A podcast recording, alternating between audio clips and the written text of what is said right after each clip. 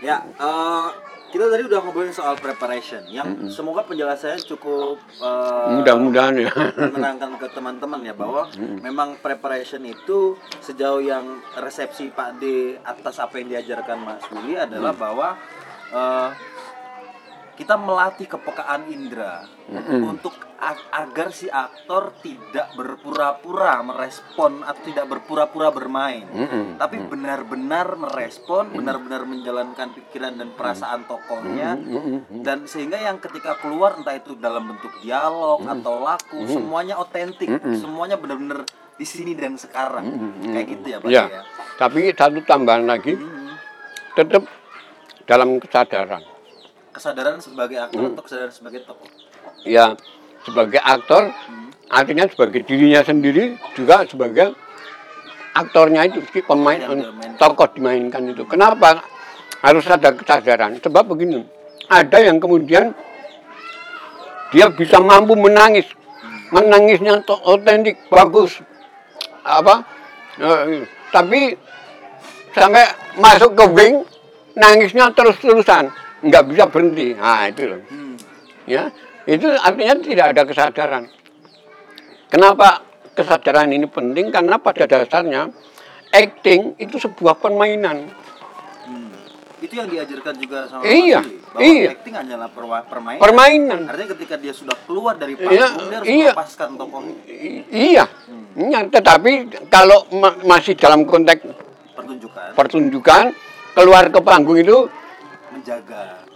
menjaga makanya gini menjaga tetap itu meskipun boleh kemudian lepas sebagai peran ya merokok lah atau apa tetapi kalau masih dalam halo masih dalam apa pementasan di dalam ruang tunggu itu tetap harus konsentrasi pada peran Hmm. tetap terus peran meskipun rileks ya rileks supaya apa namanya supaya nanti kalau mau masuk lagi itu kontinuitasnya terjaga.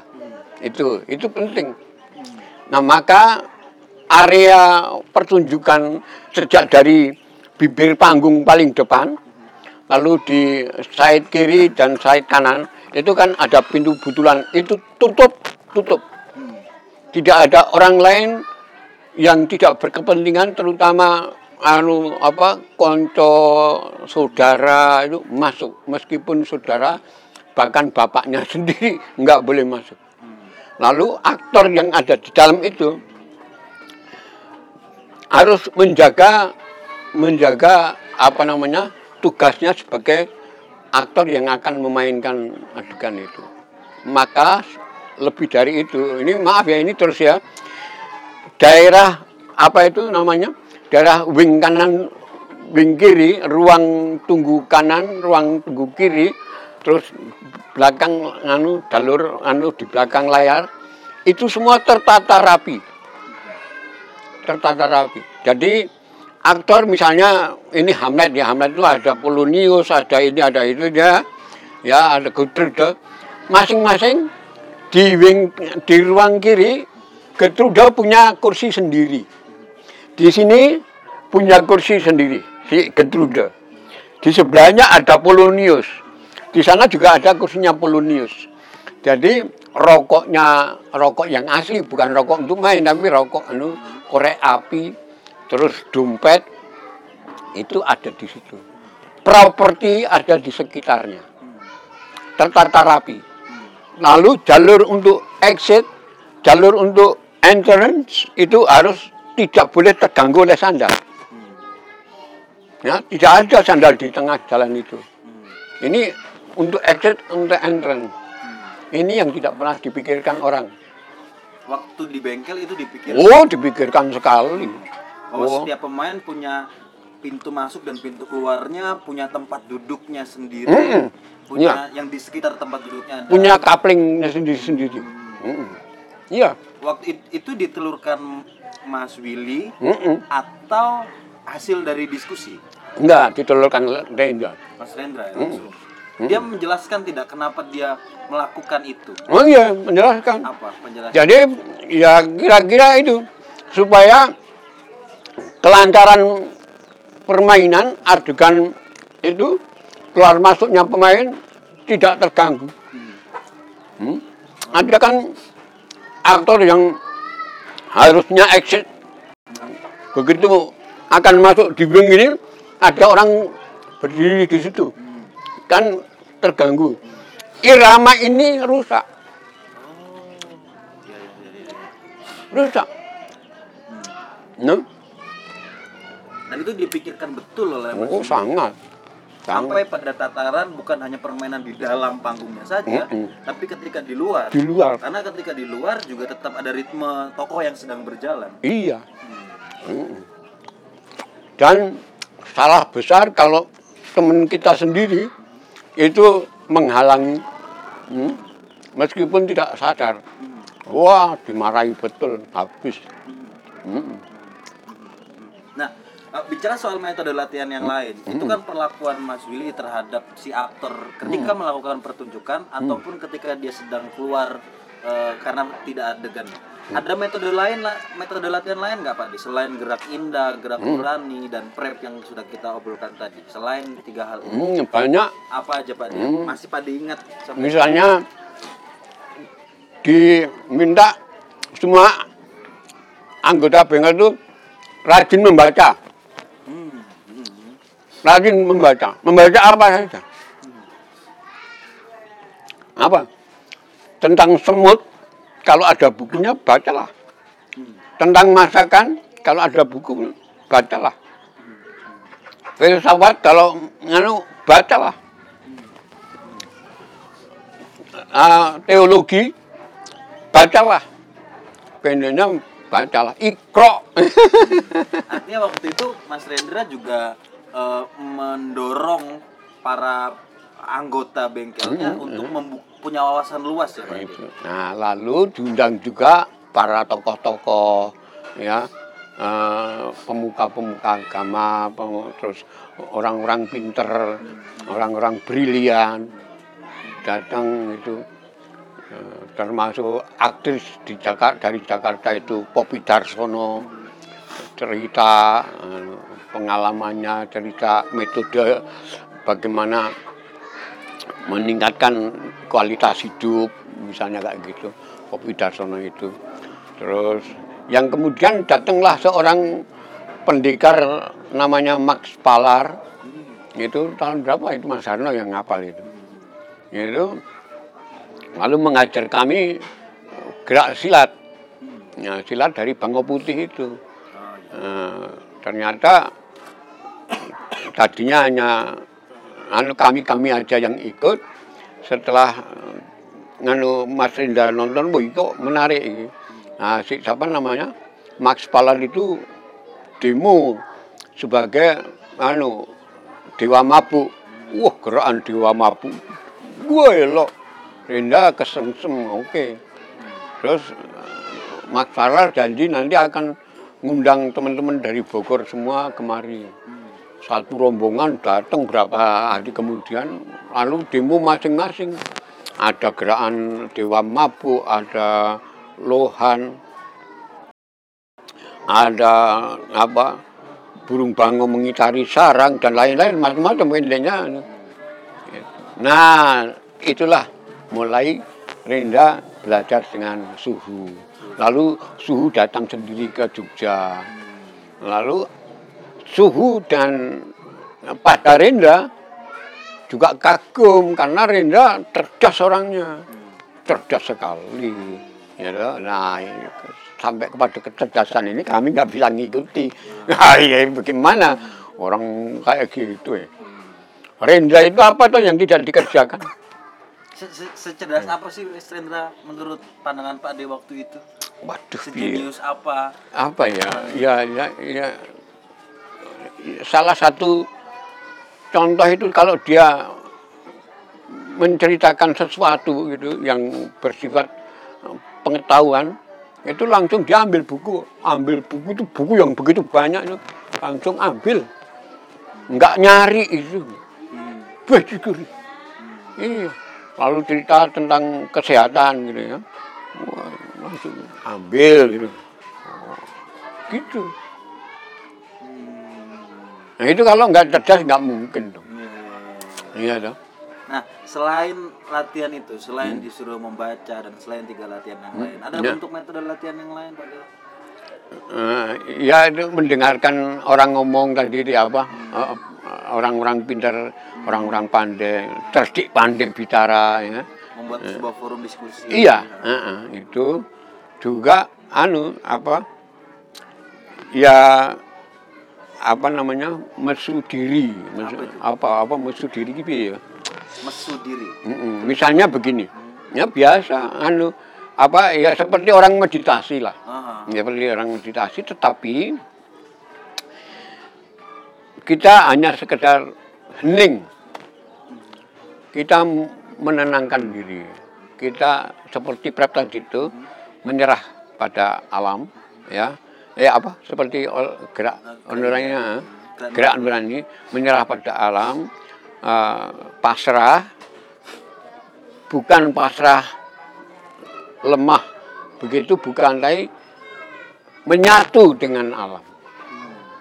Beda ya, menyatu dengan menyatu dengan alam.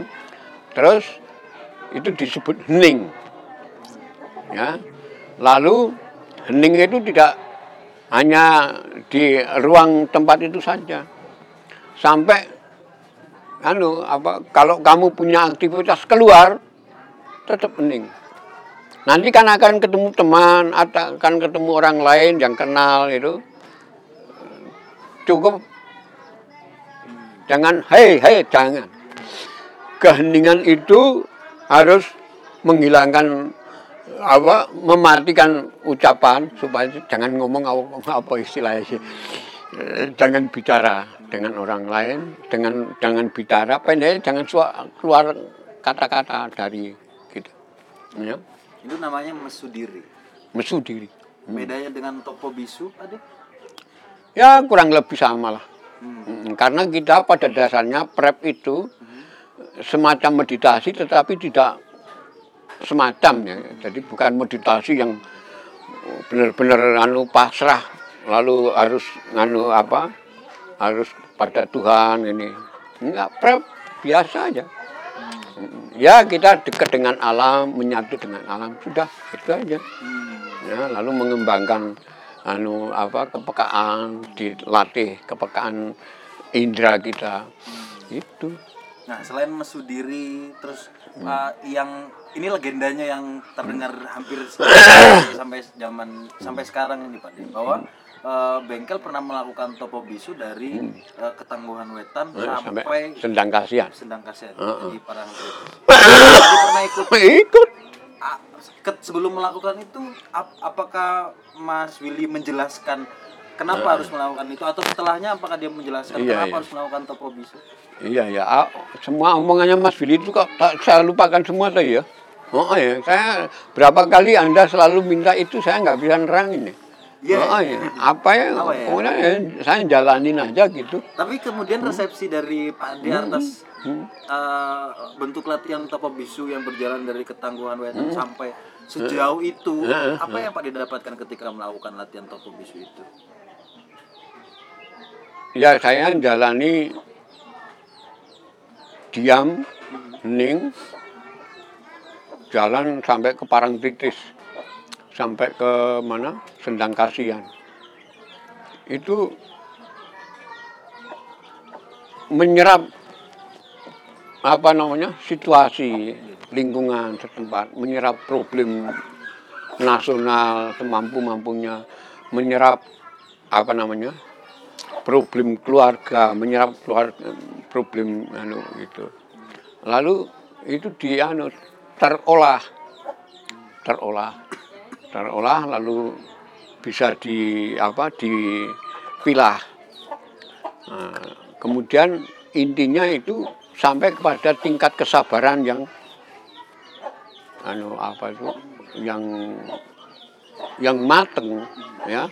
Kesabaran yang benar-benar menjadi satu apa istilahnya gitu jadi kita paham betul problem yang berkembang itu ke mana kita harus bertindak apa yang harus kita lakukan itu tahu betul dan bermanfaat positif. Ya, ada yang kemudian dengan kebijaksanaan tindakannya malah berhasil menghasilkan sesuatu yang negatif, ada kan? Ya, kegiatan misalnya ada orang bertengkar, padu, wah, ya kita kesadaran kita memilah, ya karena nggak tahan, kampleng sih, samplok, kayak kan negatif itu kan. Bagaimana memilah? Cek, ayo kita bicara aja, tenang, tenang.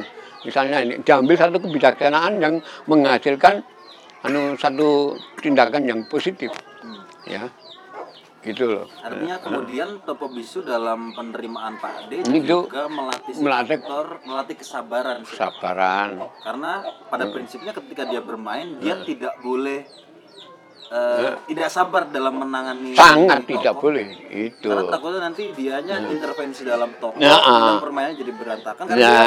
nggak sabar itu tadi. tidak sabar Itu yang- enggak yang- ya ya ya kalau anda nganu bisa ya itu memang begitu Hmm. Ya memang begitu anda bisa mengerti apa yang saya maksudkan Ya.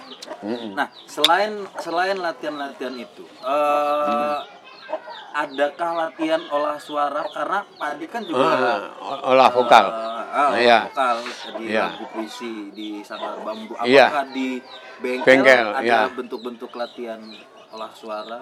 Ah, ya kalau latihan di bengkel yang saya terima itu sampai kepada las-lasan satu kedua bersuara keras. Jadi keras itu tidak mesti teriak ya tetapi meningkatkan eh, suara ya.